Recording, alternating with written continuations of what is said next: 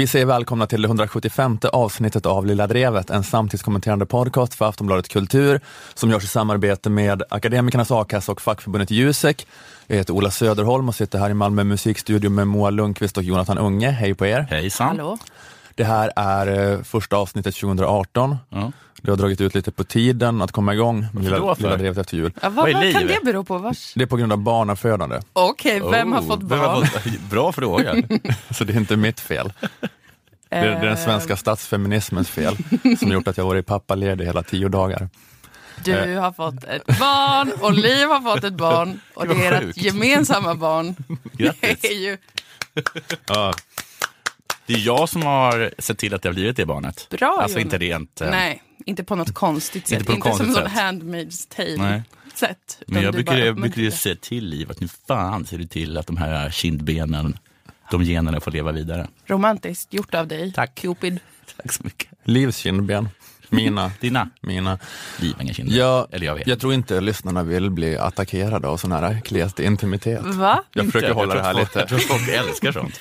Ja. Den heter Jonathan Unge. I förnamn. Ett ord. och är bäst i efternamn. Ja, gud. Åh, Jaha. mm.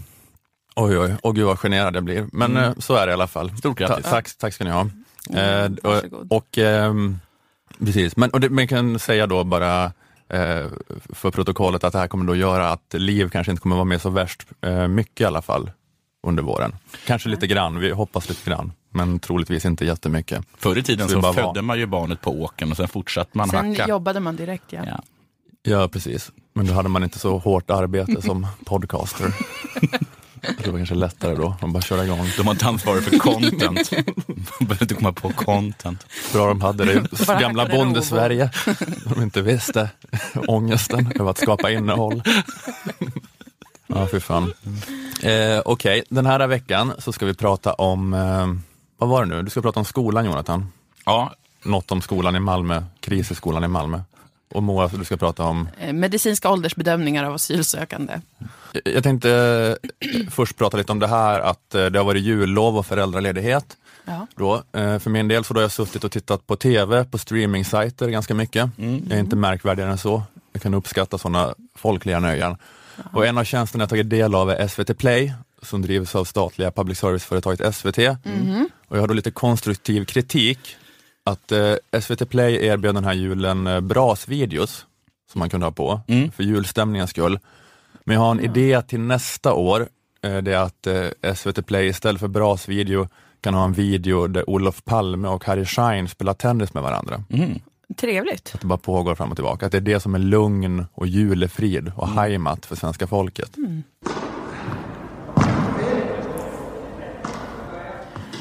Den 28 februari 1986 förlorar Harry mot Olof Palme med siffrorna 1, 6, 2, 4.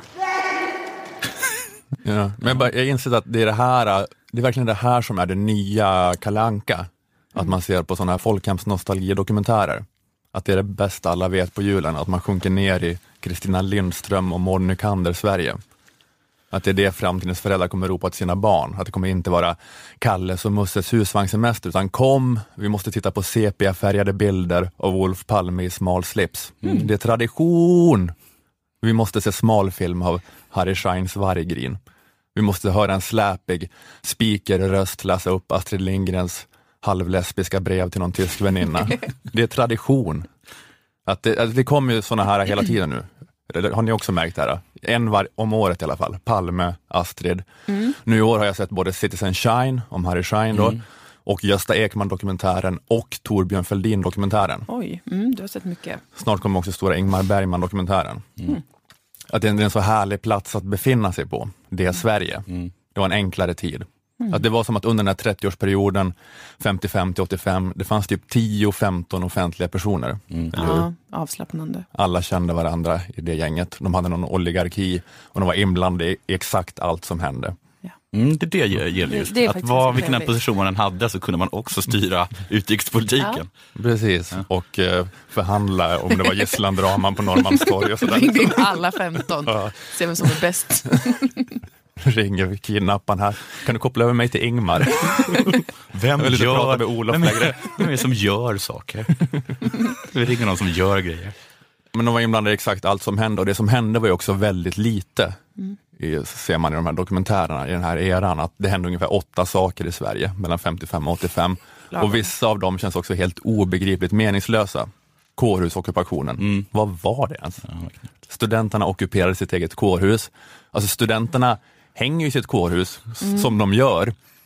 Och sen så liksom skickar de ut ett pressmeddelande om att vi ska fortsätta hänga här. Här kommer vi vara. De skulle, ju, de, de, skulle ju, de skulle ju storma operan också för att studenterna i Paris hade gjort det. Ja. Men då hade någon varit smart nog att låsa dörren. Så då, då går de upp.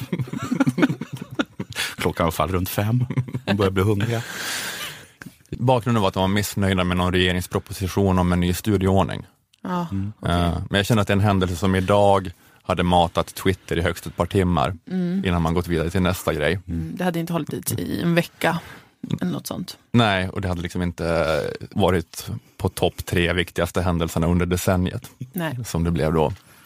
Att du, i- idag hade det varit mer varit så att, ja men nu, sorry Anders Karlberg, men nu ska vi ha en pseudodebatt om huruvida senaste hm reklamkampanjen är rasistisk. Och Karlberg bara, men vad då? Ska inte statsministern komma hit och snacka med oss ungdomar? Man bara, nej, nej Anders, statsministern ska inte komma. Men sånt som då är liksom två timmars Twittermat idag var i Kristina Lindströms Sverige att Olof Palme var tvungen att släppa allt och bara åka dit, snacka med kidsen. Roy Andersson gjorde en dokumentär om det, den historiska händelsen. Mikael Wiehe skrev en sång om det. Det var enklare, härligare tid. Ja, men, men apropå, apropå barn, Mm. så har jag märkt att, jag märkt att där, där har jag, att den här tesen stämmer där också, då att, eller man märker att det är så populärt att sjunka in i det här sepiga, blekta drömlandet. För jag har kollat på namnlistor över populäraste namnen. För nyfödda, de är då med många av de här namnen, Astrid, Olof, Harry, Tage, mest Danielsson, kanske lite Erlander också. På plats 43, över populäraste pojknamnen, så hittar jag eh, Ebbe, Ja, Ebbe Karlsson. med Ebbe Carlsson-affären. Är det sant? Det är alltså, vi tycker det är så mysigt med Kristina Lindström Sverige att vi döper barn efter erans bovar också. De är ändå så himla mysiga jämfört med dagens jättemysig bovar. bov. Han är supermysig bov. Kanske Clark kommer komma starkt också nu. Jag tror Clark kan komma starkt som ett sånt hipsternamn. Nej men ehm, man vill ha på det här i bakgrunden under julfirandet om man är en äkta svensk. Då vill man inte ha en brasvideo utan den här oändliga tennismatchen mellan Harry Schein och Olof Palme. Det är det som är att skvalpa runt i livmodern om man känner att allt, eh, allt är bra. Nästa grej jag sett på SVT Play, Ja. det, det är ingen så här äh, stark tes här, det är bara olika grejer jag sett på SVT Ja, Play det- här. Lite, lite SVT Play medley. En annan grej jag sett på SVT Play är, Sitter och chillar och kollar SVT Play. Ni vet hur det är kids. Vill du komma över och kolla SVT Play? Förlåt. Förlåt. Varför, förlåt. svar, varför svarar du aldrig på de sms? Nej, men en, en annan grej jag sett på SVT Play är Ken Burns och Lynn Nowicks mastodontdokumentär The Vietnam War. Mm, jag älskar Ken Burns. Den är gjord för amerikanska PBS. Har du sett den här, här Jag har dokumentären? inte sett den, jag har sett, liksom, jag har sett eh, eh, vad har jag sett för någonting? Jag har sett eh, Jefferson och så har jag sett eh, eh, vet du, Civil War och så har jag sett Baseball också. Just det, okej. Den är underbar, den, eh, han, han har inte bråttom. Nej, exakt. Den är gjord för amerikanska PBS, men den ligger nu på SVT Play och det är då tio delar i tio en timmes avsnitt. Eh, Jag såg fyra avsnitt och bestämde mig sen för att googla lite på vad jag tittat på. Hamnade på Wikipedia-sidan för The Vietnam War, alltså sidan för dokumentärserien, Ja. inte för kriget. Och där stod det eh, The Vietnam War is a 10 part 17 and a quarter hour American documentary about the Vietnam War. Den är drygt 17 timmar egentligen, men det som ligger på SVT Play är en version nerklippt till 10 timmar. Och jag har aldrig känt mig så kränkt Oj, ja. och lurad. Varje avsnitt är egentligen 90-120 minuter, men det är bara en timmes avsnitt i SVT Play-versionen. Ja, Måste jag leta upp någon jävla torrent nu, ladda ner 17 timmars versionen och så måste jag då alltså se om fyra avsnitt som jag då till två spola. tredjedelar ungefär. Ja. Ja, ja, Nej, kan du tänker sig om. Jag tror, inte du, jag tror inte du förstår. Som att du inte, som att du inte har bättre saker för dig. Men jag fattar inte, hur är det här public service? Hur är det här public service? Det är så jävla konstigt i den här genren också. Ja. Att någon kan göra bedömningen att det skulle finnas någon gräns för hur mycket killar som vill se sånt här, vill se sånt här. Som som att det skulle kunna bli för mycket hemliga bandupptagningar där Lyndon B Johnson och Robert McNamara erkänner för varandra att kriget är ovinnbart men ändå trappar upp bombningarna av the Ho Chi Minh Trail. Att det kan bli för många vittnesmål av Sergeant Bob som berättar om utsatts för olika bakhåll av Vietcong i djungeln. För mycket beskrivningar av hur M the M16 rifle always jammed. It was a piece of shit. Vietnamesernas AK47, de här sovjetiska, de funkade ju alltid. Ja, ja, ja. Funkade hela tiden. Det där var ju information som kanske kunde ha klippt bort. Jag tror jag fått den här informationen rumpuggen nu, det är det jag insett. Det finns en twist på den informationen Jag som du har missat nu. Jag har inte, de har inte berättat nog utförligt hur svårt det var att rengöra M16-gevären så att de funkar ordentligt. Samma grej på det här temat, det var att det gjordes en ny filmatisering utav Väinö Linnas Okänd soldat eh, förra året. Och den var tre timmar på bio i Finland. Men versionen som går upp i Sverige är två timmar. Och vad fan är tanken med det?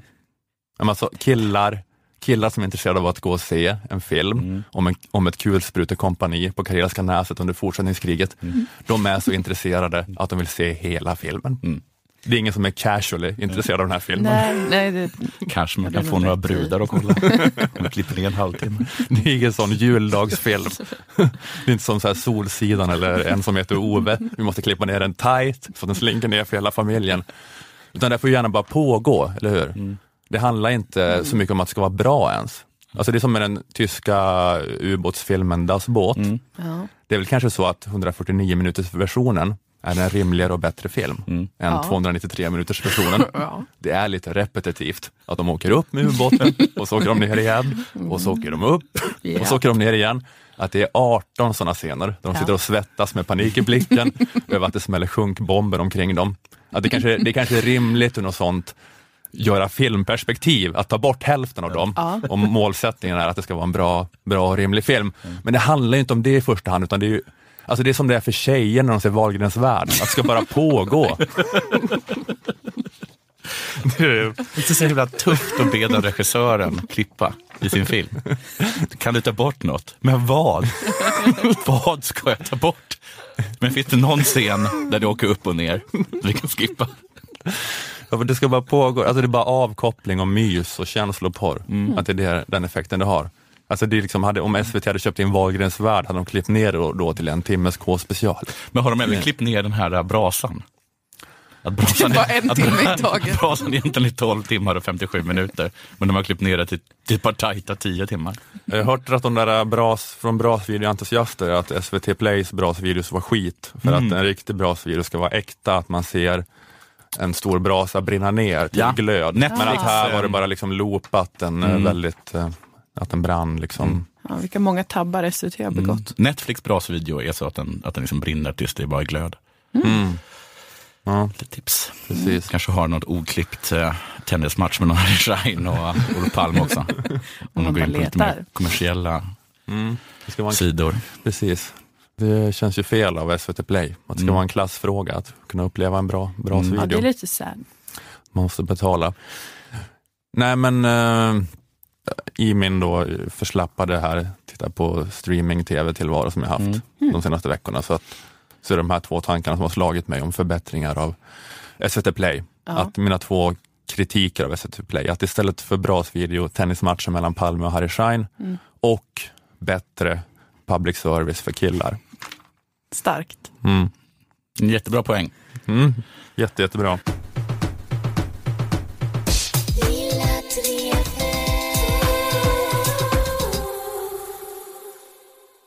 Fråga en som vet.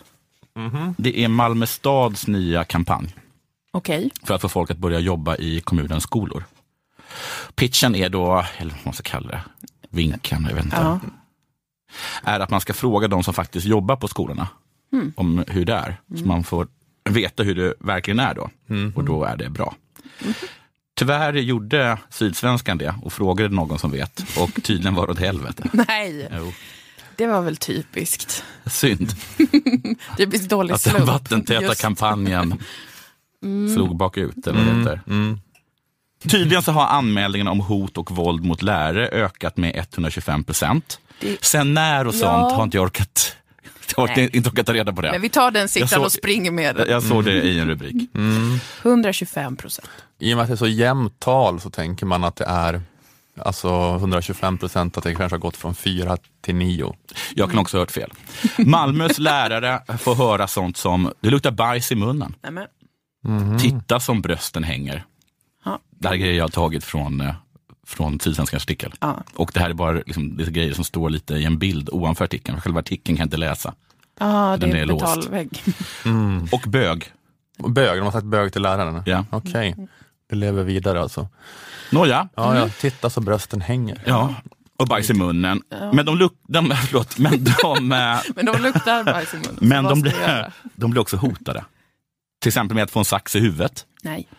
De får motta slag. Aj. Eh, och i ett fall blir de huggna eh, med en glasskärva i låret. Oj, oj, oj. Just det, det har jag hört om. Mm. Eh, Det var något barn som cyklade, så blev den tillsagd. Fick inte cykla. Och så fick eh, läraren i fråga en glasbit i låret. Aj. Det är ju jättefarligt, va? Det går ju en jättestor artär. Ja, visst. Eh, Studie 1 eh, Eh, tog upp frågan igår och lät Isak Skogstad, som är lärare och debattör, uttala sig. på att lärare ska utbildas för att möta problemen med ätstörningar i samhället, med rekryteringen till Islamiska staten. Och, och nu då får vi då höra av en grundskolechef i, i Malmö kommun att problemet, eller en del av problemet åtminstone, med de här oerhörda våldsincidenterna mot lärare beror på att de inte besitter tillräckligt med didaktisk kompetens. Han menar i alla fall att lärare, och det här är egentligen ingen ny grej, att de, eh, de är tvungna att ta ansvar för allt. Allt är lärarnas fel. är det något det. problem så ska lärarna ta tag i det. Liksom vad den är. Så att de blir socialarbetare och De blir allt. allt, liksom. allt möjligt. och även bara- jobbar för Säpo. Och att de är, så, de är så jävla dåliga på att lära ut att de inte, att de inte kan undvika att få glas i låret. Just det. Och han menar liksom att det är som att lärarna liksom får, får ta ansvar för allt som är fel. Som att allt är lärarnas fel. Och det stämmer ju inte. Eh, För vi vet ju alla att egentligen så är ju det alltid mammornas fel. Skulle jag vilja säga. Ett bra exempel är patriarkatet. Det beror ju mångt och mycket på att män som tar makten har haft usla morsor. Det är en riktigt bra analys av... Det finns sånt, Läget. man brukar säga att the child is the father of the man. Och vem- Jag hänger inte med. The Alltså att man child- blir, man blir liksom, man blir som man blir på grund av ens barndom. Jaha. Mhm. Och vem är det som står för uppfostran och sådana saker? Det är ju mödrarna. Okej. Jag tror att metoo hade haft mycket större genomslagskraft om den hade hållits på familjeliv. Jaha. Där de som faktiskt är ansvariga läser. Mammorna till Mammorna, barn ja. som begår eh, övergrepp här. Sen kan man också säga att männen borde ta ansvar för uppfostran också. Ja. Och varför gör de inte det? Ja. Usla morsor. Den, Typiskt. Den som Jobbigt. svarar på kritiken då från Isak, Ja. eh, det är Malmös grundskoledirektör. Fint ska det vara. Mhm. Anders Malmqvist. Eh, och innan vi hör honom eh, bemöta kritiken, ha då i huvudet att han är skåning. Ja, okej. Nu kan vi lyssna. Alltså jag tycker att lärarnas arbetsmiljö är ju en alldeles för viktig fråga för att raljera över som eh, Isak gör här. Vi Riktig skåning. Ja, Men vad då raljera över? ja men han, han tycker det är jättetråkigt att något så här himla viktigt raljeras över. Ja, alltså Ja. diskuteras i, i Studio 1. Ja. Och det kan låta drygt. Ja. av Anders. Ja. Att istället för att svara på kritiken, gå till, liksom, till anfall på den personen som framför kritiken. Ja. Men ha, då är det ju så att ni luras av att han är skåning. Är det det? För att jag tyckte Ja. verkligen det lät extremt dissigt. Det lät dissigt, men det är bara för att de låter så. Ja. De, de kan inte liksom ha en invändning mot någon annan utan att låta som att de idiotförklarar den personen maximalt. Nej, man blir arg när man hör skåningar. Det är bara så det är. Ja. Eh, Han fortsätter kommentera kritiken så här. tolkningarna som Isak eh, ger uttryck för det är ju taget ur eh, artiklar i en dagstidning där de har gjort en egen beskrivning och tagit in citat. Om du ger, Vad är det för sjuk jävla dagstidning som arbetar på det här viset? Om du ger Anders Malmqvist en artikel med Ja. beskrivningar och citat, då kommer han fråga dig, ser jag skitnödig ut eller? För artiklar med beskrivningar av citat, det är sånt torkar sig Anders Malmqvist i röven med. Det är en typiskt dålig källa. Och det kan låta otrevligt. Ja, men Glöm då inte, låt er inte luras av hans skånska. Han svarar också på det här med didaktisk kompetens. praktik, där, Ja. jag får svara på det också, så är det ju så att min eh, poäng där är ju egentligen att vi vill ju ta fram stödresurser för lärarna när det gäller att hantera oväntade situationer som man kan råka ut för som lärare. Och eh, det har vi gjort genom att vi har tagit fram eh, handledning som vi kallar för ledarskap i klassrummet där erfarna lärare går ut och handleder mindre erfarna lärare så att man känner sig tryggare i sin arbetssituation. Eh, Han har liksom arbetat för och gjort, liksom en, ett, liksom ett program, en utbildning. Väldigt bra, gissar jag. Och där vill han liksom att man ska vara beredd på överraskningar. Ja, Så som eh, att få glas i låret. jag blir attackerad. Eh, då av, och så kan man få det av andra mer erfarna lärare. Någon som redan har blivit eh, som attackerad några vet gånger. liksom hur det är att ta en skärva i låret. Ja. Det gör lite ont. Men man repar sig. Andas igenom det. Acceptera smärtan är en av de råd, en av de råd som han brukar komma med. Så det är bara ondare ifall du spänner dig. Släpp, släpp ner axlarna. Andas, andas djupt ner i Det är så magen. himla noob-misstag av nyexaminerade lärare som spänner sig just i den situationen. Glöm inte att andas. Problemet är nämligen att lärarna är ganska mesiga. Ha. Och det tror jag att, att det är det han försöker säga. Eh, och, eh, och det är allt. Och han fortsätter, eh, och jag ber om ursäkt för att den här kommer vara lite lång, men eh, eh, lyssna nu.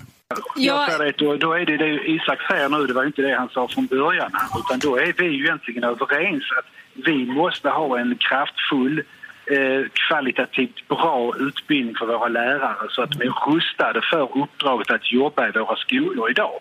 Det innebär inte att vi kan ha någon som helst accept för att lärare ska bli hotade eller eh, utsatta för våld eller, eller kränkta.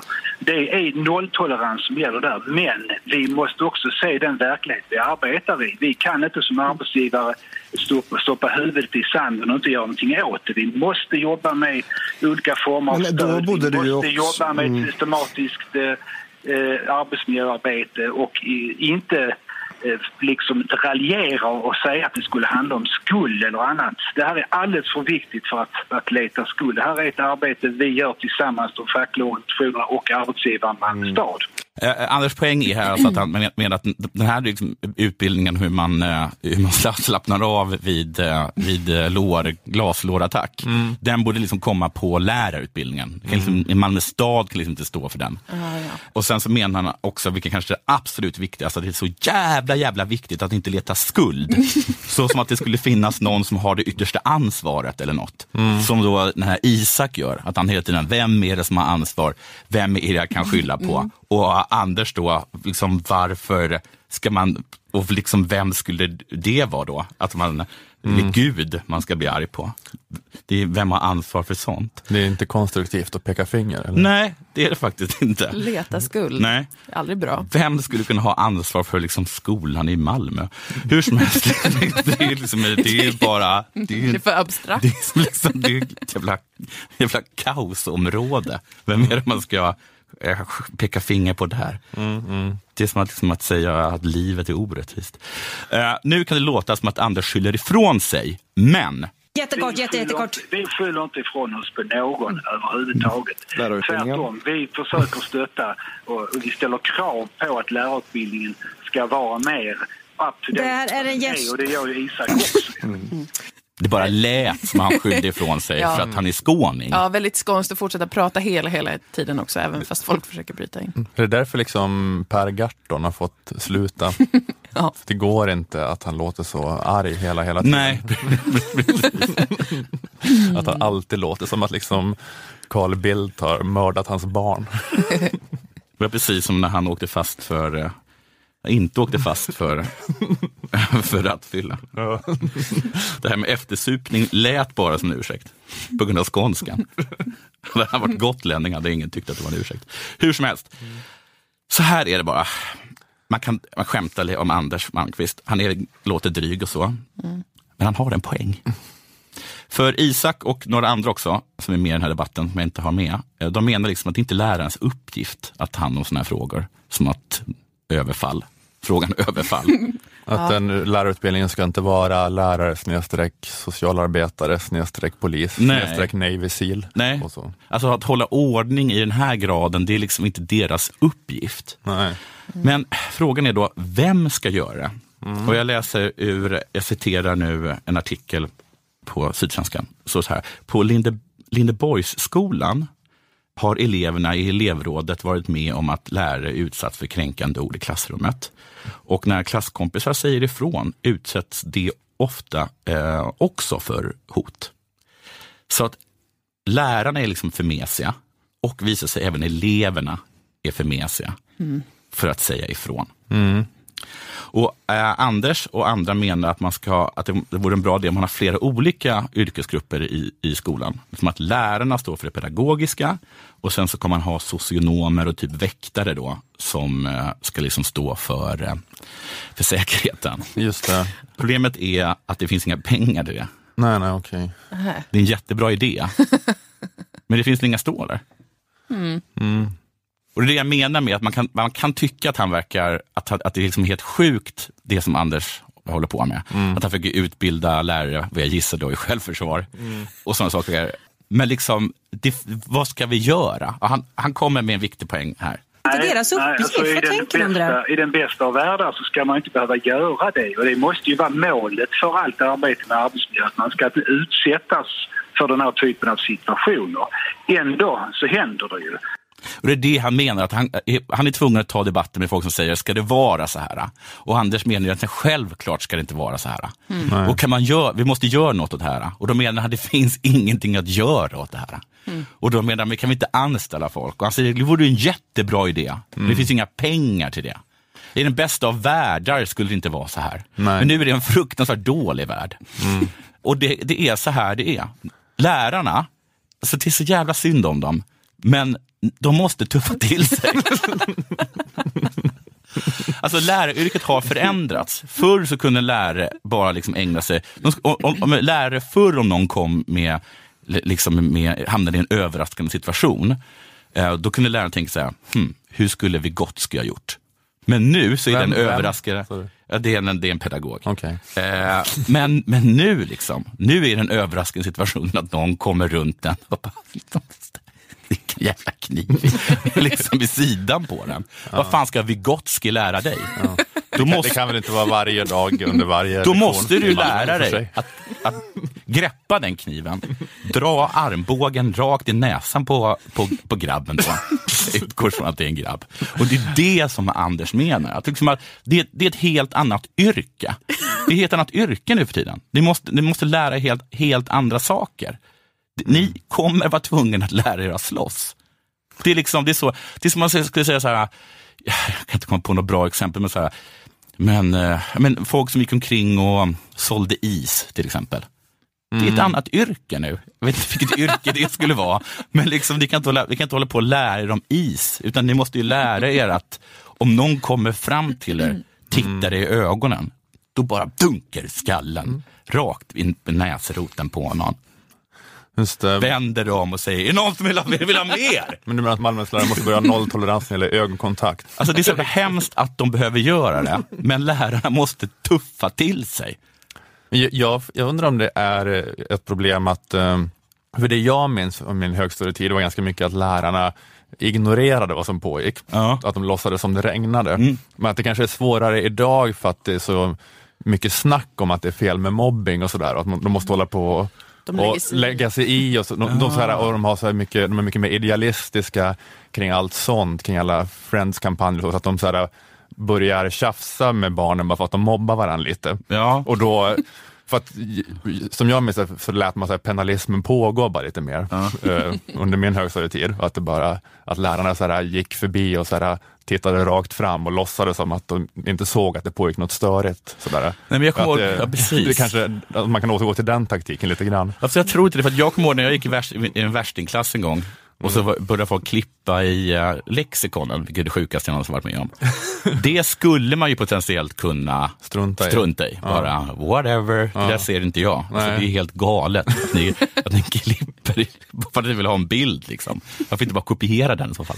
Måste den vara i fyrfärg? Alltså, liksom, eh, det kan väl liksom, men om någon kommer fram mot det bara sätter en jävla taser i, i, i örat på dig. Det blir svårare liksom. Ja, det är svårare ifall det är fysisk attack. Liksom, sådär. Men, eh, men jag tänker att de kanske sådär, provocerar fram den i da- dagens lärare för att de inte låter flugornas herre ha sin gång lika mycket som de gjorde på min tid. Då de bara lät oss kamratuppfostra varandra lite Men, mer. precis, men jag tror liksom att, det, att det är att när det är så här hemskt liksom, så tror jag att det är mycket, mycket bättre om lärarna bara inser att ja, ni måste deala med det här. Ni kommer vara tvungna att lära er att slåss och det kommer kännas mycket, mycket bättre om ni bara accepterar det. Alltså, jag tror det. Att acceptans är så jävla viktigt. För det finns inget att göra.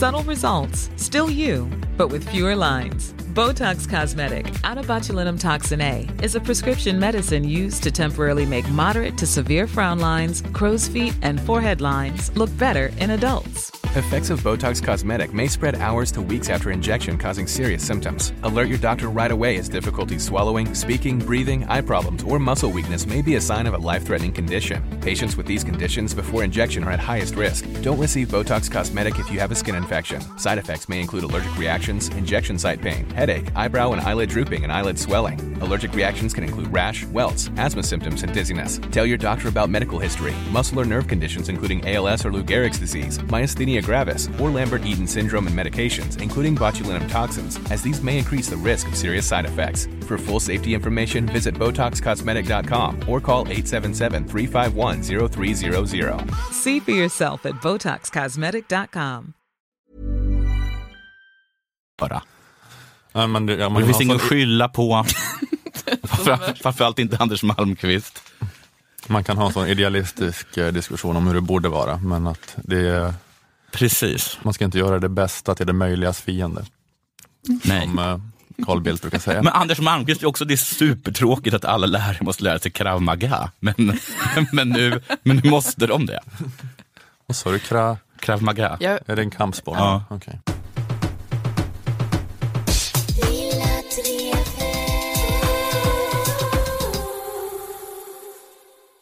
Den eh, relativt uppskattade podcasten Lilla Drevet kan göras tack vare våra sponsorer Akademikernas A-kassa och fackförbundet Jusek. Tack ska ni ha för ert stöd till relativt uppskattat poddande. Och tack för det ni gör för alla i det här landet som kämpar med att sälja sin arbetskraft. Att vara med i Akademikernas A-kassa kostar endast 110 kronor i månaden och gör att du blir en del av a-kassan, arbetslöshetskassan, som gör då att du kan få upp till 20 000 i månaden när du befinner dig mellan jobb. Akademikernas a-kassa är för dig som har eller är på väg att ta 180 högskolepoäng eller 120 poäng med det gamla systemet. Och akademikerna är då för er som har eller söker anställning, men också för egenföretagare, eh, som jag till exempel. Om du har en egen firma och blir av med din största uppdragsgivare, så att det blir omöjligt för dig att gå runt, då kan du lägga företaget vilande och istället få ut a-kassa. Så det är just det, ifall jag blir av med akademikernas a-kassa, så kan jag lägga företaget vilande och få pengar från akademikernas a-kassa. perfekt situation. Goda och dåliga nyheter. Precis. Det är helt omöjligt för akademikernas a-kassa att inte sponsra mig. Ehm, läs mer på akademikernas.se eh, om, om allt det här och hur du gör för att gå med. Och är du inte akademiker ska du självklart vara med i a-kassan ändå. Eh, gå in på väljaakassa.se för att se vilken a-kassa som gäller för dig. A-kassemedlemskap ska kombineras med fackmedlemskap. Jusek är fackförbundet för dig som är eller är på väg att bli jurist, ekonom, systemvetare, personalvetare, kommunikatör eller samhällsvetare. Eh, Facket stöttar dig på alla möjliga vissa arbetsrättsliga frågor och karriärfrågor, men det mest ögonfallande skälet att gå med är kanske Juseks inkomstförsäkring som ger dig 80% av lönen upp till 80 000 kronor. Försäkra din inkomst. Det borde vara lika självklart som andra försäkringar. om en person inte har försäkrat sitt hem eller sin bil tänker man ju att oj, det här är en nihilistisk desperado som, som skrattar döden i ansiktet. På samma vis borde man ju se på människor som inte försäkrar sitt arbete. Säg nej till barbariet och försäkra ditt arbete. Att vara med i Akademikernas och Jusek kostar 351 kronor sammanlagt. Är du alltså redan Akademikernas medlem lägger du bara till 251 kronor för att också få vara med i facket.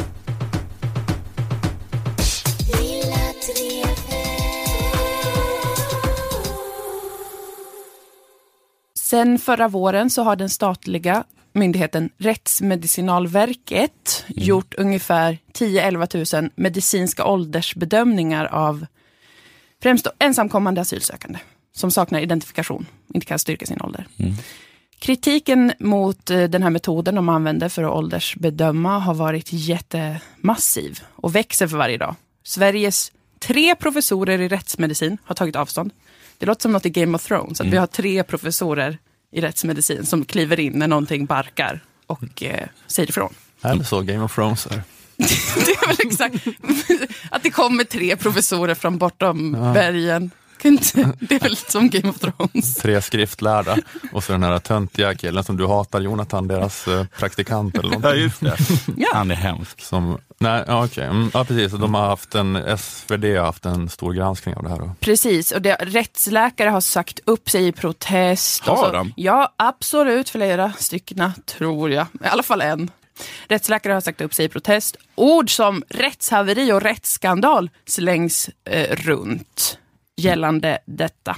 Och det var så här, va? 2016 gav regeringen ett uppdrag till Migrationsverket som var att de måste hitta ett rättssäkert system för att medicinskt då bedöma ålder på ensamkommande asylsökande. Det rättssäkra systemet för att medicinskt bedöma ålder skulle tas fram snabbt, skyndsamt. Så regeringen sa liksom, vi vill ha två helt förenliga saker. Rättssäkerhet och att allt går jätte- jättesnabbt så att ingen hinner forska eller tänka eller diskutera saken. Måste man inte lägga ribban så högt? Att man vill ha rättssäkerhet. Ja, att man skulle kunna säga Vi vill så ha något- bra det blir istället. Vi vill ha någonting helt okej för att bedöma ålder. Sen om någon journalist frågar varför blev det dåligt? Ja, men det- jag tror inte du har sett regeringsbeslutet Nej. som är underlaget för det här vi har tagit fram. Så Där stod står det, att det ska helt okej, bra metod. Så att eh, två av fem siktar vi på. Eh, Socialstyrelsen fick samla information om medicinsk ål- åldersbedömning och så skrev de en rapport där de på, själva hade då kommit fram till att magnetröntgen av knäled kan funka för att åldersbedöma. Men att de skrev också att det finns för lite forskningsunderlag för att bara sätta igång. Man behöver göra någon slags pilotstudie. Men Rättsmedicinalverket då, de kände liksom det var all info som behövdes och så körde de igång då. För det var ju bråttom. Jätte, jättebråttom.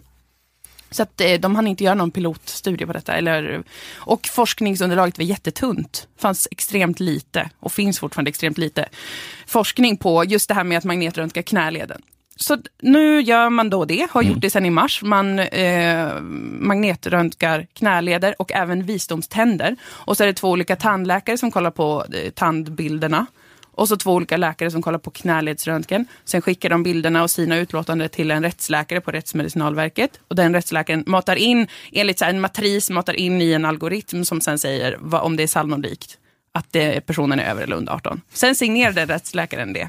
Rättsläkaren själv bedömer inte bild, röntgenbilderna, utan matar in siffrorna. I matris. Ja, vad fan nu det är. Men ni fattar säkert ungefär vad det betyder. Den skriver sen under och det är det som ligger till, eh, till grund för asylprocessen sen. Så att rättsläkaren signerar Eh, det här och skickar till Migrationsverket. Den huvudsakliga kritiken mot det här, den här metoden med knäledsröntgen har varit att det då dels inte finns någon forskning som visar på att det är en metod som funkar för att avgöra om någon är över eller under 18 år. Och sen så kommer det hela tiden nu ny forskning som visar att det kan vara helt olika. Knälederna kan mogna olika snabbt. Det kom en ny studie som visade att hos kvinnor, flickor, så mognar knäleden tidigare. Så då har de pausat åldersbedömning av tjejasylsökande. Mm. För att eh, det helt enkelt inte går att avgöra med hjälp av en sån röntgenbild. Men vi har inga sådana ändå, enligt alternativ media, som jag har förstått det. Ha, och rättsläkarna då som, som signerar de här äh, bedömningarna, som sen, det, det är flera av dem som har äh, tagit tillbaka liksom, sina bedömningar. De har skämts för dem. De har sagt jag kan inte stå för det. De lider. För att rättsläkare, det är ju, de har ingen utbildning i detta med åldersbedömningar. De har ju utbildning i att vara en obducent, eller en karaktär i en deckare Mm. i TV4. Att de står nere i källaren med ett lik och så kommer polisen ner och säger så här. Precis. Hur kan du umgås med döda hela tiden? De bara, ha, sån är jag. Är det ofta en lite snygg kvinna? ja, eller varför en lite fräsch man kan det vara också. De kommer ner bara trodde att de skulle avgöra om en afghansk pojke var död eller inte. Sen visade det sig att det var en helt annan Du fråga. ska bara åldersbestämma ett flykting, en flykting.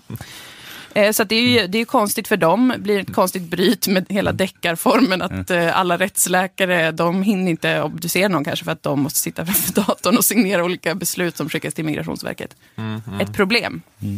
I nuläget så säger eh, Rättsmedicinalverket och regeringen att åldersbedömningarna ska fortsätta så här för att de säger att det är superbra och eh, rättssäkert och allt det, att det är det bästa alternativet. Och den metodansvariga på RMV, Elias Palm, som är då en rättsläkare, han är även deckarförfattare, helt sant. Han har skrivit böckerna Corpus Delcti, eh, Casia Mortis och Memento Mori, för att nämna tre av hans verk. Jag har inte läst dem själv, Nej. men de handlar om en obducent. För att han Ja. själv är rättsläkare så han vet ju. Och, ja det lät väldigt generiska deckare av, obdus, skrivna av obducenttitlar. Väldigt. Men han, eh, han är metodansvarig då. Eh, han var med i Agenda för att han skulle svara på kritik gällande metodvalet. Då fick vi veta hur välanvänd den här röntgen, knäröntgenmetoden är. För att det finns ju olika metoder i olika länder för att åldersbedöma medicinskt. Han förklarar här. Man refererar ofta till de här andra systemen som finns i övriga Europa och inte heller där är det ett system som finns. Utan det är olika i olika länder och till och med till exempel i Tyskland så finns det olika metoder i olika delar av Tyskland. Var använder man knäled? Ingen annanstans än i Sverige utan det, det är en, en ny metod i sammanhanget. Det är en helt ny metod som bara används i Sverige. Jag fick för mig att Fifa har använt den här metoden. De använder handledsröntgen. Aha. Det är en mer, mer eh, vedertagen teknik. Av någon anledning. Nyckelben, handled i kombination. Eller, ja, det, det finns, det finns sådana sätt. Sverige är lite mer Maverick än vad Fifa Sverige är. måste göra det på ett eget Va, vad sätt. gör, varför gör Fifa det? Man ska se till att inte folk säger så här äh, det i det här u landslaget Ja, ja, ja, just Här det. kommer jag och jag, jag lovar under kött. Just det. Mm. Men du har ju fru och barn. Volvo. Jag ser ju att du har Volvo. Är det en vovve jag ser? Men alltså det, det är Sverige bara som använder det här knäled och visdomstandkombinationen och eh, helt utan någon som kan någonting om åldersbedömning dessutom. Och 11 000 personer har bedömts med den här metoden. Och jag tror att det var 80 procent som har bedömts vara över 18. Eh, som har fått sina då asylprocesser påverkade av den här bedömningen som bara görs i Sverige. Sverige är så otroligt unikt. Måste ha, en e- måste ha ett eget ett eget sätt när det gäller allt sånt här som innebär olika typer av medicinska grejer som eh, avgör folks liv och framtid. Eh, varför? Vet inte. Men Elias Palm eh, fortsätter berätta, för han får en fråga då av programledaren i Agenda. Säger man programledaren? Det lät du- ovärdigt. Journalisten. Eh, Eh, du, ja, men du kan säga programledaren tror jag. Är ni säkra? Alltså, då, det är, idag är ledig agenda, imorgon så är det... Eh, sommarkrysset. Ja. Men Elias Palm fick då frågan om ifall de inte tvivlar på metoden om det, eftersom att det är så att den bara används i Sverige. Eh, och får jättemycket kritik och ingen annan någonsin har använt den. Då svarar han så här. Gör det där inte att ni tvekar överhuvudtaget? Har vi valt rätt? Det här är en helt ny, oprövad metod. Ja, men vi ställer Som oss inte används någon alltid annanstans. den här frågan. Har vi valt rätt metoder? Och ifrågasätter det varje dag. Och än så länge så är svaret fortfarande att utifrån de förutsättningarna, utifrån regeringsuppdraget, så har vi valt de metoderna som just nu bäst lämpar sig. Det, det är, Så himla kul att ställa, dag. varenda dag ställa sig fråga. vad kan det vara rätt den här metoden? Varje dag komma fram till ja. Jajamän. Men så nästa dag igen så kommer det tvivlet. Det är ändå just att det är, det är inte en process som blir klar innan man börjar fatta sådana här eh, livsavgörande beslut. Nej. att, När man har gjort 11 000 ungefär är man fortfarande varje dag på det, tvivlets det, får- det är ändå uppe för diskussion. Eller jag förstår liksom inte hur, hur kan det vara så föränderligt i så fall? Antingen funkar eller så funkar det inte. Ja, och antingen Eller- finns det forskningsunderlag eller så finns det inte. Och här finns det typ tre studier gjorda. Det är, jä- det är riktigt... Man undrar lite hur det är möjligt. Om jag, Ehm, någonsin, om jag någonsin tvivlat på mig älskar min fru. Varenda Varje dag. Varje dag tänker jag på det. Jag kommer alltid fram till ja, att jag inte gör det menar jag.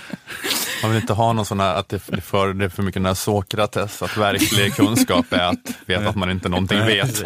Det är, Att precis, det, är inte så här, betryggande i det här sammanhanget. det, precis, det kanske är bra ifall det är ett seminarium på filosofia, men inte här i Agenda. No. Men han, han säger ju här att för det här specifika regeringsuppdraget så är det rätt metod. Och det är väl sant då? Alltså för att regeringsuppdraget är att jättesnabbt hitta något sätt att bedöma eh, skitmånga afghanska flyktingar som över 18. Det är i princip det regeringsuppdraget är.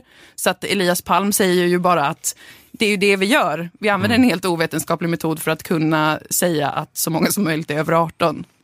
Det är ju det som är du- lite grann det de håller på med. Men med att han, du, han ska off the hook lite grann kanske, att man ska gå tillbaka till regeringen också. Han upprepar ju regeringens ord ganska mycket. Han citerar Morgan Johansson. Han är en rättsläkare, han är också författare, men han är också jobbar på en myndighet. Att Men, men, det- men det är lite konstigt, är det inte lite konstigt att, eh, att om det ska gå fort och man ska hitta något att köra på med, att de har en helt ny metod? Jo, att det, det här är ett jättestort att, mysterium. ja, att man Alltså- borde ta någon som de har kört i Tyskland då och bara köra den. Ja, alltså ta något där det ändå finns att det här har andra hållit på med. Det är det som är just väldigt det. märkligt. Varför har Socialstyrelsen bara fått feeling för just knäleden? Det är mystiskt. Ja. Varför har ni den här metoden? Vadå? De kör ju den i Tyskland ju. Det hade varit mycket enklare. De är så bra på att bygga bilar. Och. Tyskland har någon sån expert som hela tiden, som verkar vara en sån big dog när det kommer till medicinsk åldersbedömning. Hans karriär. Men han, han hatar att Sverige gör detta. Eh, Så att eh, de får jättemycket skit från honom också. Han säger Åh. att han inte vill dela med sig av sin forskning till Sverige för att Sverige bara pissar på allt och gör på sitt eget sätt. Det är en hel grej med det också. Det är en slags prestigetävling om vem som... Ibland Är, är, är det att det känns obehagligt att så här, importera från Tyskland mätande av kroppsdelar? Att, det har, känner sig- jo- att det har jobbiga konnotationer. Man håller på så här, bedömer Sverige olika... är mer trygga med att ha en egen metod. Vi har också börjat möta, möta skallar. Det visar sig att samerna... Det är något som är lite speciellt. Ja, Men, men, men, vad heter det? men också, man kan ju tycka så att man bara säger Sverige, Sverige, Sverige. Lilla, gu- lilla gubben. Nu ska, nu ska du vara lite snäll mot dig själv. Du vill bara inte ha afghanska pojkar här. Behöver liksom inte gå över, hålla på liksom och hitta på nya metoder. Bara sparka ut dem liksom. Så att, de, att Sverige hela tiden ska göra det så himla svårt för sig själv. Det ska vara rättssäkert och Det ska vara snabbt rättssäkert och, bara, på olika sätt. Du kan bara göra liksom, du kan bara liksom ta Ungerns lagar istället. Ja. Alltså om man ändå Om vill man vill- det. Om det- men jag känner man, om man gissar att det är det som, man vill, att, att, att, att göra det så himla, alltså tänk vad mycket liksom, kollegieblock och pennor och Ramlösa vi har slösat på den här. Men det har gått så snabbt så jag tror inte de hade riktigt många Ramlösa när de beslutade om detta. Det var bara så här, från en dag till en annan. Vi kör det här som ingen vet något om. Röntga knäleden. Men de, eh, Rättsmedicinalverket har ju alltså då, de har sagt att de tycker att det är den bästa metoden baserat på en känsla av att det är den bästa metoden utifrån uppdraget. Men de har ju även tagit till sig av nya studier som då till exempel att de pausade åldersbedömning av tjejer. Men Elias Palm tror aldrig att dagen kommer komma där de skulle pausa de här eh, åldersbedömningarna av killar. Och det är ju lite speciellt med tanke på att han just innan har sagt att de varje dag ifrågasätter den här metoden och att de kommer följa eh, forskning och vetenskap. Men han är ändå väldigt säker på att så långt skulle de aldrig gå. Ni har pausat för flickor. Kan det komma ett liknande beslut för pojkar? Det finns ingenting som talar för det i nuläget överhuvudtaget. Nej, där, det, oh, det, nej, det kommer inte kunna hända. Det är osannolikt. Det, innan det händer så kanske de, då har de hunnit byta namn till myndigheten för att klassificera så många ensamkommande pojkar som möjligt som är över 18 så att de kan utvisas. Och då kommer inte det här vara en grej längre. Nej. Nej. Kanske. Långt myndighetsnamn. Men den dagen kanske har hunnit komma. Ha, Okej, så att det, detta pågår. Detta är i, enligt många en rättsskandal. Det här kommer eh, bara, eh, vad säger man? Ja, det är en rättsskandal enligt väldigt många. Ja. Och otroligt bisarrt att göra så här många bedömningar baserat på metoder som är helt och, och, ovetenskapliga och inte forskade på. Det är inte rättssäkert ingenting. Och jag skulle vilja säga att om Sverige ändå ska hålla på att eh, ha helt egna metoder så här, bara ta någonting, vad som helst, så kan vi börja gå helt loco. Alltså då skulle man kunna bara eh, hitta på ett helt eget system så att man inte behöver låtsas förklara det med vetenskap som de gör nu. För nu måste man säga, men den här studien, någon har skrivit på Twitter att det funkar, den studien finns ju. Eh, det är ju jobbigt för dem. Ja. De hade bara kunnat köra på en helt egen linje. Ja, man kan börja åldersbestämma folks inre barn, att vi säger att det är det vi baserar våra bedömningar på. Att hur gammalt är ditt inre barn? Det är det, vi baserar liksom din asylprocess på det. Så kanske jag, mitt inre barn kanske är 17 och ett halvt. Någon försöker eh, avgöra, är det, ska vi skriva upp det? Det blir väldigt avancerat hur man ska mäta kanske. Ja. Man kan få utsätta folk för test där det är så här, du är hungrig och missar bussen. Hur reagerar du? Och baserat på det så ser man, för då kommer liksom ens inre barn fram ju. Om man börjar gråta och skrika och ringa till sin mamma och pappa. Ja. Eller en släkting eller någonting. Eller om man blir tvär. Då är man mer tonåring än sin inre barn. Om man Just blir det. liksom Just det. Lite kort och börjar ta tjuvrök eller någonting sånt. Och har man tagit sig från Afghanistan via landsvägen Mm. till Sverige, då känns det som att man har ett ganska gammalt inre barn. Ja, det skulle några kunna hävda, men då får man ju ta in olika forskare och olika, olika ja inte forskare då, utan folk bara som har en känsla för hur gammalt är ditt inre barn. Ja. Men det betyder och att man kan utvisa alla på basis av att de har gamla själar. Ja, Ja, om det skulle vara så. Alltså om regeringen säger så här, vi måste utvisa alla. Eh, Du är så stor och du har gått hela vägen hit. och mogen du är.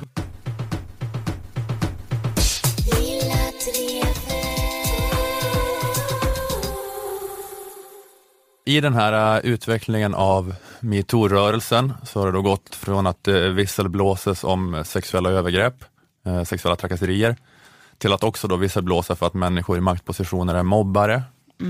Eh, så De jag pratade om i förra avsnittet vi gjorde, om Holsberg. Och, det, och nu anar jag att det är en ny grej, att man visselblåser för att någon i en maktposition är ett weirdo. Det är olika, olika typer av beteenden som gör att människor känner sig obekväma i hans eh, närvaro. Och det här är en samlad bedömning vi har gjort att den här personen inte då kan vara eh, förtroendevald för Miljöpartiet. Att precis som i fallet Oldsberg som jag pratade om tidigare så vet man ju inte hur det här är egentligen, men det är lite utifrån de medieuppgifterna. Jag- om man ska föra ett principiellt resonemang utifrån hur det verkar på medieuppgifterna, känns som att det är lite det som har hänt den här sparkade miljöpartistiske riksdagsledamoten Stefan Nilsson.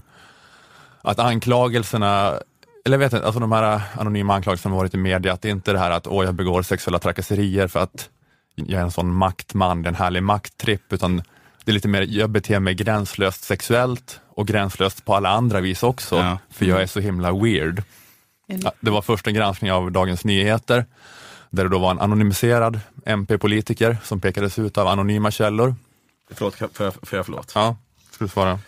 Hej, Jag springer på toaletten. hej. Jag spelar, fort, jo, jag spelar fortfarande in podd. Jonathan har lämnat oss. Mm, precis.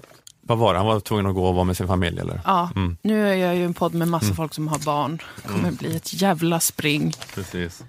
Ja, precis. Men han var då, ehm, eh, det var eh, den här anonym, anonymiserade artikeln i Dagens Nyheter, Ja. då han inte var med namn. Men sen så, mm, men nu har han trätt fram själv i Aktuellt då, Mm. Stefan Nilsson som han heter, så nu vet vi det. Vi visst fick alla reda på det. Han sa då i Aktuellt att han kände sig rättslös, att han av partisekreteraren i Miljöpartiet inte blev informerad om vad anklagelserna bestod i, att det bara var svepande anklagelser om att han betett sig det var svepande anklagelser om att han betett sig gränslöst, eh, som var flera år gamla, eh, tydligen, eh, det ägde rum när han var Stockholmspolitiker, innan han var i riksdagen. Och att de sa att det saknades förtroende för honom och han uppmanades att lämna sitt uppdrag Okej. för att undvika ett mediedrev. Det var ungefär det här han sa i Aktuellt att han fick höra från partisekreteraren. Vi har talat med ett femtontal centralt placerade miljöpartister i Stockholm. Ett distrikt där det länge rått stora motsättningar mellan olika falanger. Av samtalen framkommer att det finns de som känt sig obekväma i Stefan Nilssons sällskap och uppfattat honom som påflugen och att han inte känt av andras önskemål om en personlig sfär. Okej. Han står för när när han pratar. Det är lite så, det är lite olustigt. Han kliver innanför ens integritetszon. Han var en sån som inte kunde känna av sånt när man gjorde såna övningar i skolan. Nej, nej Han var tvungen att precis. rita ett streck för att han skulle veta att han inte skulle ta ett steg till. Det här är spekulationer. Ja, men det är ju mig det. spekulationer, hela allt det här är spekulativt, det är ju det av mig också, men det känns som att det är det i den här kritiken och de här anonyma vittnesmålen som har dragits upp är att de försöker ringa in någon sån personlighet att jag vet inte, att han är en sån som kanske har med sig kokta ägg Ja. lite hela tiden och tar upp Ja, det i tunnelbanan och skalar det och äter det. Han anklagas för att, att han är lite gränslöst weird. Mm. Han, kanske, han är kanske en sån som kommer fram till en och säger, gud jag har så himla torra läppar idag. Mm. Gud vad torra läppar jag har. Ja, så, så, Ja. Känn vad torra läppar jag har. Ja. Och så tar han ens hand och drar den till sin mun och Usch. stryker med ens hand över läpparna. Ja, och då mår man ju dåligt bara alltså. säger, känn, känn. Och man bara, "Uff, vad är det här liksom? Att så bara, fan vad... Ja, Och eh, om den här då hypotesen om weird stämmer, då är det mer så att, alltså, att han inte, om, om det stämmer och det är då så att det har varit någon slags sexuella trakasserier, så man ser inte framför sig att det är sexuella trakasserier på det viset att en alfahanne, demonregissör på teatern som, som gör det på det viset, utan Nej. att det är mera då sexuella trakasserier som en förståndshandikappad ja. lite mer som Lenny med som människor eller någonting. Och om, jag menar, om någon om det liksom har varit så och någon har utsatts så vill jag inte förringa det. Nej, jag säger inte att det inte inte. det är också en, en jobbig upplevelse såklart. Jag säger Mm. inget annat om det. Det partisekreteraren i Miljöpartiet, Amanda Lind, eh, säger är då det här. Ja, det, det som framkommer är dels ett antal vittnesmål om personer som känner sig eh, känner olust i hans närvaro, eh, uppgifter om eh, olämpligt gränsöverskridande beteende, också en uppgift om, om en kränkning som ägt rum. På mötet med partisekreteraren i riksdagen försökte Stefan Nilsson få reda på vad den påstådda kränkningen skulle ha bestått av. Jag frågade när skulle det här hänt och, och mot vem och så. Va? För jag vet, har ingen aning. Och då sa de bara att nej, den personen vill eh, vara hemlig så att det kommer vi inte berätta. Han fick dock veta att partisekreteraren inte fäste någon vikt vid de uppgifter som rapporterats om i media där han skulle ha uppträtt olämpligt mot en bebis. Ja, men det- ja, det, det, det är hela grejen här då, det eh, att han känner sig lite, att det är lite rättslöst, att det bara är, han får inte veta vad han har blivit anklagad för då. Mm. Det är en kränkning, det hände för länge sedan, vi säger inte vad det är. Mm. Men de goda nyheterna är då att för honom är att de inte fäster uppmärksamhet vid det här att han betett sig olämpligt mot en bebis. För den uppgiften är inte en del av anklagelseakten från partiet i alla fall. Då. Okej. För det var typ huvudnumret i den här DN-artikeln. Ja, för det är väl det man har hört, eller jag har hört eh, ryktas om. Men det var inte det, var inte det som de... Jag vet inte ifall de i partiet har kommit fram till att de inte har tillräckliga belägg för att det skulle Mm. ha hänt, eller jag vet inte riktigt. Han eh, förnekar ju att det har hänt, men det står så här i DN i alla fall. Eh, citat, en kvinnlig partimedlem berättar om en händelse från januari 2014 som har satt djupa spår. Vi hade träffats på ett möte för nya medlemmar och etablerade MP-politiker. Eh, när jag var föräldraledig med min dotter som då var fem månader gammal ringde jag honom för att höra vad som var på gång inom partiet. Han föreslog en lunch, vi satt på Pizza Hut vid Medborgarplatsen i Stockholm. Konstigt val. Ja, det är För fancy. miljöpartister också. Extremt konstigt. Misstänkt.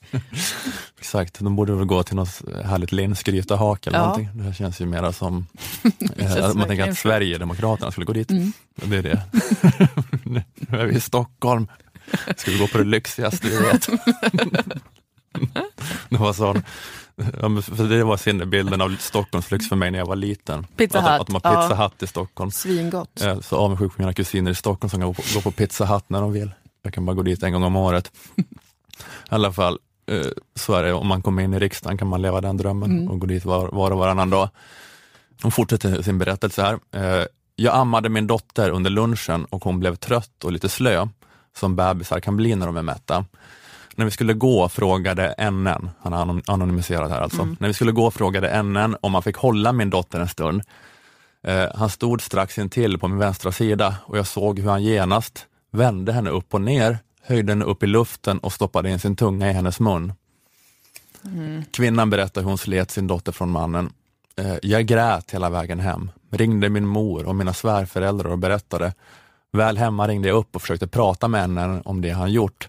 Som svar fick jag, jag vet inte vad som hände mig. Jag kommer nog inte göra det igen. Uh, Okej, baserat på det här så säger jag att han har passerat alla gränser för weird. och mer eh, Ja, men... vansinnig. Ja, men det, ja precis, det, är ju- det är ju en, eh, såklart en glidande skala där, när det liksom är... När, när Han någon, visste inte vad som han hade gjort. Han Nej. hade fått en psykotisk blackout. ja, jag vet inte, ja precis, det kanske det är så här glidande skalan mellan excentrisk och att det lite mer är då eh, kanske läskig sjukdom på något sätt. Det är min värsta mardröm att någon ringer upp efter att man har träffat en på lunch och bara Du, det här med att du eh, hånglade med mitt spädbarn Mm. och att jag inte minns det. Det, Då måste man ju söka, söka hjälp och stöd. Just det. Ja, det är verkligen. Då rör vi oss på ett område som är något helt annat. Mm. Ja, Okej. ja, den jobb- jobbiga blackouter. Ja, Det är vi, djupt det- vidrigt. Annars, hade en blackout, jag hoppas det inte hände något. Oftast har det inte hänt någonting för Du, var bara, du satt bara och var full liksom, i en soffa. Men han har då dagtid hånglat med ett spädbarn. På Pizza Hut. Men eh, eh, hon säger vidare, eh, jag mådde akut dåligt av det jag och min dotter utsatts för och bröt ihop. Jag fick en kontakt med en terapeut som partiet betalade för. Jag har fortfarande problem med mina enorma skuldkänslor för vad som hände. Att jag lät honom ta min dotter, säger hon. Flera personer i partiet säger till DN att de bedömer både kvinnans och hennes historia som trovärdiga. Eh, slutcitat. Jag kan säga då att Stefan Nilsson förnekar det här, att det har hänt och att, För han minns det ju uppenbarligen inte. ja. Enligt precis. henne, okej, Men han har bo- förnekat det någonsin. Han borde, precis. Eh, men eh, ja, men eh, för att jag måste säga, um, alltså, även om det är sant att kvinnans Mhm. historia är precis som hon säger, så jag tycker ändå man måste säga överreagerar hon ändå inte lite? På, på, Ja men jag har, på händelsen. ja alltså även om det är så, alltså jag tänker att jag är bebis själv nu så jag kan säga Nu det. är du tolkningsföreträde över mig, så att, du- Att, ja men att så, ja precis. Så att jag, du, jag kan inte säga någonting nu, för jag har nu, ingen nu, är bebis. det, nu är det tid att lyssna Moa, nu är det inte tid att, att mansplaina. Nej, vad synd för mig. Men jag, nej men jag menar bara att om en miljöpartist stoppar in sin tunga i, i hans bebis mun, Mm. alltså jag fattar att det känns gränslöst olustigt. Ja, Att man tar bebisen ifrån honom och säger, vad fan håller du på med? ja. Men måste man gråta en hel dag och sen gå i terapi? Jag hade gjort det. Ja, det kanske, jag vet inte. Och ha enorma, man ha så enorma skuldkänslor gentemot sin bebis. Bebisen kommer inte komma ihåg det här. Nej, det är sant. Den kommer ju inte vara traumatiserad, Alltså, det bara är- ma- mammans trauma. Ja, men jag menar att det är inte farligt, det är inte farligt på riktigt det här, Nej. det är bara så jävla weird. Ja, men det är så konstigt, det, är liksom, det måste ju vara det som är traumat, att det händer något som alltså, Mm. man aldrig någonsin i hela sitt liv har varit med om Mm. eller hört talas om att Mm. det finns. Mm. Det måste vara som att ha tagit en jätteobehaglig drog helt plötsligt, fast man har inte det, utan det är en annan en partikollega som gör någonting jätte, jättekonstigt. Ja, men det, det, det är ett sånt jävla normbrott så Ja. att det är helt sinnessjukt. Ja, och det tror jag att man blir skakad av. Ja, och man reagerar liksom med, alltså ja, att man blir skakad och man blir så vansinnig på den som gör det här. Mm. Men eh, jag vet inte, det här kanske är eh, för mycket att anstränga sig för att vara eh, konträr och vara kärringen motvalls. Men jag, jag, tänkt lite på det, jag kan känna lite så att jag kan ömma för weirdon på något sätt. Mm. För de gör ofta saker som inte är så farliga egentligen. Men det måste ändå reageras jättekraftfullt på det ändå, för att det är så jävla sjukt det de, det de Ja. gör. Ja. Det är mycket mer sjukt än vad det är farligt, att ni bryter mot det heliga på något sätt. Mm. Att det, är liksom, eh, det är som att ehm, det finns en, eh, det finns en uruguayansk fotbollsspelare som Mhm. heter Luis Suarez. Ja. Han var synd att inte Jonathan är kvar. Du hade skrivit in den här referensen för en fellow man. Precis. Men jag vet faktiskt vad han har gjort. Du vet det, du Ja, kan det här? ja. Mm. Att, eh, att det har varit återkommande skandaler med honom, att han får en knäpp på planen och biter den i Mm. motståndarlaget. Mm. Eh, och han gjorde det i VM senast, bet en italiensk spelare i axeln. Och, eh, och grejen med det är ju att det är inte så farligt på riktigt. Nej, ingen dör väl av det så. Han biter ju inte, det är inte att han biter fram ett köttsår, han bara nafsar lite, som man brukar säga om hundar. Alltså, det är ju, Han blir exalterad, han nafsar lite. ja, men det, det är det som händer. Den här Chiellini eller vem det var som blev biten försökte ju visa att han så här, drog undan tröjan så här, från axeln, kolla han bet mig. Ja. Och man kanske såg pytteliten och små röda prickar efter att Mm. huden bara varit nedtryckt där. Mm. Men, det, men det är bara så jävla onormalt. Ja, vi har ju bestämt att så gör man inte. Nej. På ett så, vi är så bestämda kring att man gör inte det. Att det inte finns på kartan ju. Nej. Sen när det plötsligt finns på kartan, då fattar ingen någonting. Får panik över hur weird det är. Ja exakt, men det är ju lite grann, alltså på ett sätt det här med weirdon, det är ju lite grann som blasfemi. Alltså Mm. som att bryta mot religiös lagstiftning. Och vi är inte religiösa på det sättet, men vi har ju ändå så här normer och helighet. Ja. Och det är ju det, ja, men det, är det då som Luis Suarez gör, att det är bara så, fy fan vad onormalt. Ja, Det är så jätteonormalt. jävla, fan vad onormal du är, vad fan, äh, sjukt! Att man, det är liksom, för det är inte, det är, alltså konsekvenserna av det han gör är inte jättefarliga, men det är bara så jävla konstigt så man blir helt, Vi måste stänga av honom i 18 månader. Alltså de gjorde typ det. Mm. Och det är mycket egentligen i fotboll, så att det är mycket farligare med en kapning med dobbarna Mm. före. Det kan avsluta en karriär, göra någon till idrottsinvalid. Mm. Men då blir det kanske rött kort och en match avstängning. Mm. Så att, eh, ja, jag vet inte. Men allt sånt där med att vara, bitas och vara nära med ansiktet. Det är okej att sparkas och slåss och sånt. Det är fortfarande normalt om man får en sån knäpp och sparkar till någon. Mm. För det är med foten. Mm. Men det här när man ska vara och nalla och talla med munnen, det är för konstigt för folk. Det, det, det är för äckligt. Ja, det gäller ju båda de här två. De får en knäpp och börjar eh, antingen hångla eller bitas. Ja, precis. Och det är för sjukt för folk att ta in. Mm. Ja, men det är också det att, som sagt, att med Stefan Nilsson, han säkert, jag vet ju ingenting vad han har gjort och så vidare. Och det är klart att man inte kan acceptera weirdo beteende hur som helst. Men det, är, men det är något med så här, hur man reagerar på weirdon, att jag ibland kan känna att det finns något trångsynt också. Eh, jag vet inte, jag försöker få ihop det här för varför det inte är så Ja, men det är jätte, jättekonstigt att sticka en tungan i munnen på en bebis. Ja. Men eh, om man ska nyansera, vilket man inte ska, det är jättedumt att jag ens försöker göra det, jag vet inte varför jag pratar om det, men om man ska göra det så är det inte så, det är inte så farligt som jättemånga utav er tänker att det är. Nej. Det är inte riktigt så farligt. Nej. Det är helt sjukt, jag fattar vad ni menar, men eh, ni tycker att det är lite farligare än vad det är. Ja, men vi Och det, är, det är kanske ingen viktig poäng att lyfta fram, men jag, men jag bara Det- känner, det sällsynt jag känner i mitt hjärta att det är så. Du måste stå upp för det du tror är rätt. Som är att weirdos will be weirdos. Ja, men för annars, det var ju väl den här stämningen att, han, att det är något pedofilt, alltså att det kommer fram under metoo. Att det är Mm. så här, det är ett, någon slags eh, pedofil läggning han har och därför gör han detta. Mm. Och om man har, gör det antagandet så är det ju alltså superfarligt. Mm, mm. För att vi är livrädda för pedofiler ju. Mm, mm. Det är ju worst case scenario, att de löper runt. Jo, jo. Ja, men så det- om man det- tänker att det är det så är det, då, för, då blir den reaktionen baserad på att det skulle vara en sexuell grej. Mm. Men om man tänker att det är eh, mycket mer logiskt att det skulle vara en, bara en freak-out, att han bara inte kan bete sig. Mm. Alltså att han gör konstiga ryck. Ja men det är det, den här, eh, som sagt vi vet inte vem Stefan Nilsson är, men den hypotetiska Stefan Nilsson som jag pratar om nu är ju så då, att han Ja. är en jätteweird, excentrisk gubbe som Ja. beter sig då lite freakigt. Men det är som sagt, som du säger, det går ju inte att utesluta eh, kanske helt och hållet då, att det skulle handla om något sånt, liksom pedofilt brottslighet eller att det är psykos på riktigt som är Ja. farlig.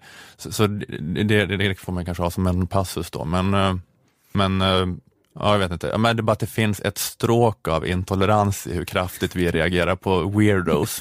Som Ja. gör att jag ibland kan ömma lite för weirdos utan att liksom säga att jag vet något om hela den här härvan i Mm. Miljöpartiet.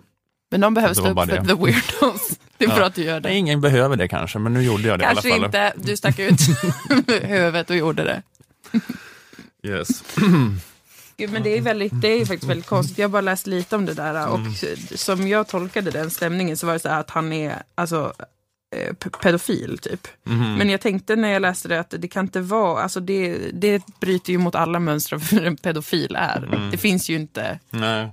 Något exempel på någon som gör det på en restaurang, skulle göra någonting sånt. Nej. Alltså det skulle vara så enormt osannolikt att det har att göra med det, Mm. tänker jag. Mm.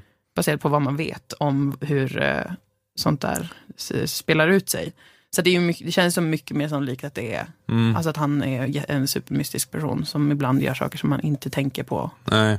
Att han kanske försökte skoja eller göra något annat sånt. Mm. Ja men det är någon så här, äh, jag vet inte vad det är, men man känner igen typen lite grann. Att det är någon, så här, någon slags knäpphet som gör att man inte riktigt är socialt inkännande på något vis. Och Precis. jag, jag tror att jättekonstiga saker är skämt liksom. Ja, som precis. bara är superkonstiga. kan inte tona in någonting, vad Ja. säger man på svenska? Man kan inte känna av här, det här blir för weird. Mm. Eller blir för äckligt. Att man bara Konstigt. håller på med, ja, man, ja, men då kanske man gör så att man håller på med någon så konstig lek med en bebis liksom, som Ja. är, och inte alls förstår vilka konnotationer det blir av att Nej. du gör så här. Eller, ja. Nej men precis. Okej, ja men det är nog med den amatörpsykologiska diagnosen. Han har fått vem så många Ste- diagnoser Stefan nu. Nilsson eventuellt är.